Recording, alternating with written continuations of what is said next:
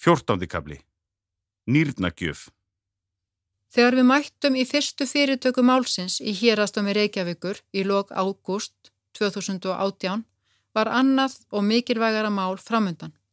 Þann 11. september áttum við Kalli bróðir að leggjast undir nýfa færustu sérfræðinga á landsbítalanum þar sem annað nýra mitt var fært yfir í líkama hans. Kalli bróðir hafði greinst með nýrnabilun nokkrum árum áður en hjælt sínum veikindum að mestu fyrir sig. Þegar við sýsturnar áttuðum okkur á alvarleika málsins að bróður okkar þurfti lífsnöðsynlega á nýrnagjöfa að halda, buðum við okkur strax fram að vera nýrnagjafar. Í mínum huga var það aldrei neinn spurning. Eitt nýra dugir mér, en bróður minn hefði ekki lifað eðlilegu lífi með sín tvö ónýtu. Við sýsturnar fórum í ítarlega rannsóknir á landsbítalanum og niðurstaðan var svo að við gætum báðar hendað í þetta verkefni. Ég var þó valinn til verksins. Kalli var orðin virkilega veikur og hefði eiginlega átt að vera rúmlíkjandi allt sumarið. Hann stóð samt sína plikt að veikum mætti, enda nóg að gera á hans stóra heimili. Á sama tíma, þarna í byrjun september, vorum við að flytja mömmu okkar sem var orðin mjög veik af Alzheimer úr Foldabæ, þar sem hún hefði búið í hálftanað ári í sambíli fyrir konur í hennar stöðu og á dróplögastadi. Mamma var að flytja á sitt síðasta heimili. Annað verkefni var fyrirlikjandi hjá mér. Óli minn var 50 þann 8. september og ég vildi endilega koma honum á óvart. Hann hafði haldið glæsilegt surprise afmæli fyrir mig fimm árum áður og nú var komið á skuldadögum.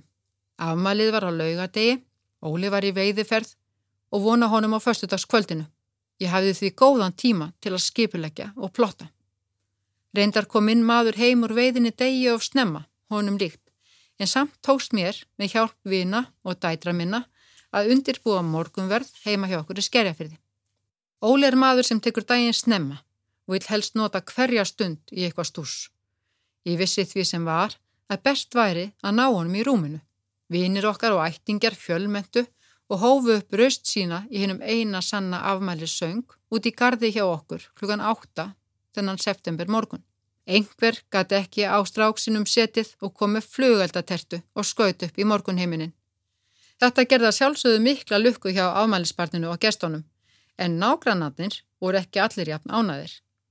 Einn þeirra reyf sig á fætur og gekk um hverfið til að finna vexumerki. Hann setti síðan færsluin á Facebook-hóp hverfisins og tilkynnti að hann hefði fundið sönnunargögn og væri tilbúin að kæra fyrir hönd íbúa. Óli frétti af þessu og setti inn færslu á Facebook þar sem hann baðist afsökunar og skýrði málið. Afmæliskveðjum ringdi yfir hann í kommentum og flestir fyrirgáðu þessa flugelda mínútu.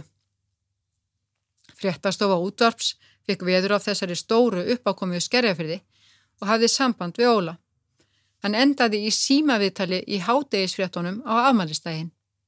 Þetta gerði afmælið að sjálfsögðu bara skemmtilegra og eftirminnilegra. Það er alltaf líf og fjör þar sem Óli hand er. Þremur dögum eftir þennan skemmtilega afmælisdag mættum við sískininn á samt mögum okkar á spítalan snemma dags. Það var eðlilega smá spenna í loftinu en við vorum bæði tilbúin í slægin. Ég gekk sjálf inn á skurðstofuna og lagðist á skurðarborðið. Það kom mér á óvart hvað það var margt fólk þarna. Innan skams leiði ég inn í svefnin og læknateimið vann sína vinnu. Kalli bróðir var svo skorinn á eftir mér og fekk þar sitt þriðja nýra því þau ónýttur ekki tekin. Ég var á sjúkrahúsinu í tvær nætur. Fyrstu dagarnir voru stremnir eins og eðlilegt er eftir skurðaðgerð en eftir viku var ég loksins komin með matalist aftur og farin að reyfa mig. Stuttu setna var ég komin til Rotterdam og byrjuði að skokka fyrir varði. Ég fekk kærkomið frí frá dómsmálinu því hugur minn var allur við að byggja upp líkamann.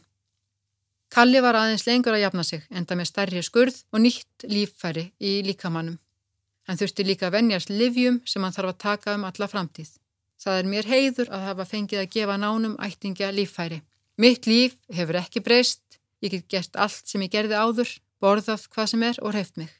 Bróður minn hins vegar finnur mikinn mun. Hann er aftur orðin hress og hefur þá orku sem þarf til að eiga fimm börn.